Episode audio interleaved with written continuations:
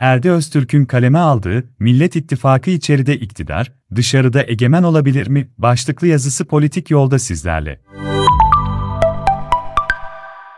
Geçtiğimiz günlerde politik yolda Can Selçuk'i kendi şirketinin rastgele örnekleme, random sample diye Türkçe'ye çevirebileceğimiz bir yöntem ile yaptı. Olası seçimlerde farklı Millet İttifakı adaylarının Cumhurbaşkanı Erdoğan karşısında ne oranda oy alabileceğini ve de bu oy oranlarındaki son 3 aylık değişimleri incelediği yazısını ilgiyle okudum. En sağlam araştırma yöntemlerinden biriyle yapılmış çalışma bize en zayıf ihtimal gibi görünse bile Kemal Kılıçdaroğlu'nun bile seçimi kazanabileceğini gösteriyor. Elbette bu kağıt üzerinde ve normal şartlarda olabilecek bir seçimin Türkiye'nin istisnai koşulları göz önüne alınmadan yapılan bir öngörüsü. Kuşkusuz yazıda da belirtildiği gibi en güçlü olmasa da en olası aday gibi gözüken Kılıçdaroğlu'nun son aylardaki politikalarının seçmen nezdinde çok bir karşılığı olmadığı da karşımızda duruyor. Ancak her ne olursa olsun, Millet İttifakı bir şekilde oluştuğu günden beri seçimi en rahat kazanabilecek durumda duruyor. Hoş Murat Aksoy'un yine bu mecrada, İhsan Dağ'ın Diken'de de dediği gibi seçimi şimdiden kazanmış gibi davranmak ve bunun riskleri de hala mevcut. Ancak anlaşılan o ki Millet İttifakı bu riskleri bir şekilde bertaraf etmek istiyor ve de bu yönde adımlar atıyor. Misal anladığımız kadarıyla kendi aralarında, yepyeni Türkiye için bir iş bölümüne gitmiş gibiler.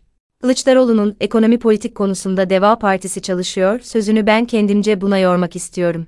Bu iş bölümümün en önemli paydası olan parlamenter sisteme geçiş belgesini de 6 partinin genel başkanı ortak bir bildiriyle bir arada kameraların karşısında açıklayacak. Sanıyorum bu başta Kürt meselesi ve HDP ile alakalı olan kime anlaşmazlıkları ya biraz öteleyecek ya da hiç yaşanmamış gibi bizlere sunacaktır. Ama bu ittifakında son zamanlarda çok fazla yapısal krizleri olduğunu da değiştirmiyor ve bu denli yapısal krizleri olan bir yapının da ülkedeki reformu nasıl sağlayacağı büyük bir soru işareti. Şimdi isterseniz bir anlığına böyle soru işaretleri yokmuş gibi davranalım ya da hepsinin sihirli bir değnek ile çözüldüğünü varsayalım. Dahası aday Kılıçdaroğlu olsa bile ittifakın ilk turda tartışmaya mahal vermeyecek şekilde seçimi kazandığını ve de Erdoğan'ı bir şekilde emekliliğe gönderdiğini düşünelim. Hatta ve hatta daha da ileri giderek kısa zamanda ekonomide yapısal reformlar yaptığını, sistem değişikliğini gerçekleştirdiğini ve de bunu içsel kavgalara tutuşmadan yaptığını umalım. Bürokraside ve de devletin diğer kanallarında da farklı seslerin çok çıkmadığını ve bir şekilde mevcut kakofoninin bir harmoniye dönüştüğünü hayal edelim. Peki sizde böyle ütopik bir durum gerçek olsa bile Millet İttifakı Türkiye'nin küresel dünyadaki değişen ve dönüşen yönüne uygun bir şekilde etkili olabilir mi?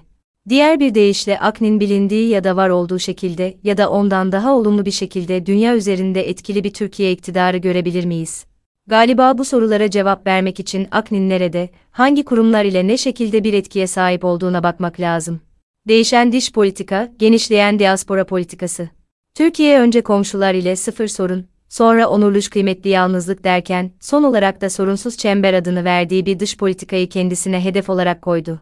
Ne denirse densin, başta SETA olmak üzere birçok iktidara yakın kurum bunları meşrulaştırmaya çalışsın, bütün bunların hepsi sığ, derinliği olmayan ve de irrasyonel söylemlerdir. İnanın bunlara politika tercihi demek bile çok zor. Ancak bütün bunlar ile beraber, birçok alanda bocalayan Adalet ve Kalkınma Partisi dış politikada Türkiye'yi en azından algısal olarak Batı ekseninden çıkarmayı başardı. Elbette Türkiye hali bir Batı kulübü üyesi ve fakat son çalışmalara göre hem politika tercihi hem de halkın isteği bakımından doğrudan Batı'ya ait değil.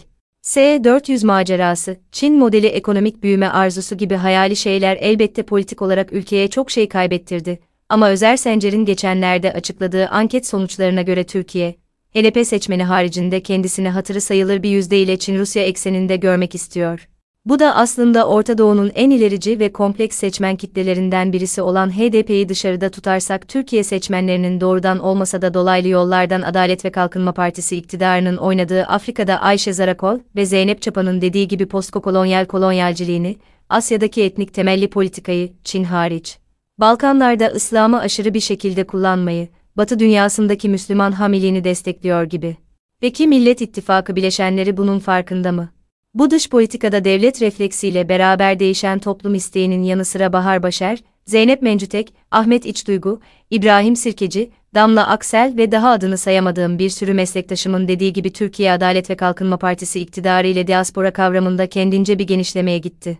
İçerisine vatandaşlık tanımı haricinde unsurlar katan Adalet ve Kalkınma Partisi, Türkiye'si Diyanet, Yunus Emre Enstitüsü ve de yurt dışı Türkler ve akraba toplulukları çok farklı ve aktif kullanarak özellikle kendi taraftarı olan diaspora üyelerine ve de kendine yakın gördüğü gruplara hizmetler sunmakta.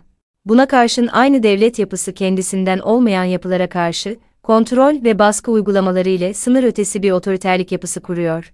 Bu politika tercihi de bir şekilde diaspora grupları arasında, devlet ile kimi diaspora yapıları arasında hem yatay hem de dikey çatışmalara ve de uyuşmazlıklara neden oluyor.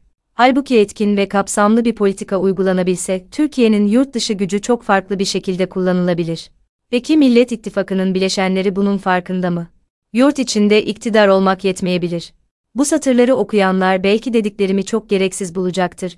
Ama benim bulunduğum yerden ve de benim okuduğum dünyada sadece içeride seçim kazanmak iktidar olmak için yeterli görünmüyor. Hele Türkiye gibi çok katmanlı bir ülke için imkansız duruyor.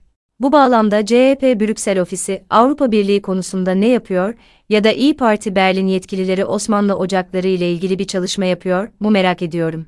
Elbette listeyi uzatmak içerisinde dini grupları, Somali politikasını ve daha birçok konuyu eklemek de mümkün. Her ne kadar bu konular için kafa yormak için geç gibi görünse de birinci zararın neresinden dönülse kar sayılabilir. İkinci eğer bu konular için ciddi bir planlama yapılıyorsa kimin nasıl yaptığı ve ne aşamada olduğunun kamuoyu ile paylaşılması yerinde olacaktır. Zira Ankara ve İstanbul'un dışında da çok farklı yerlerde Türkiye konuşuluyor ve Erdoğan harici bir aktörü konuşmak için kimsenin elinde çok da fazla done yok. Belki iktidar olmak için çok taraflı bir strateji izleyip karşı tarafı kötülemek yerine Millet İttifakı'nın kendini anlatmasının tam zamanıdır.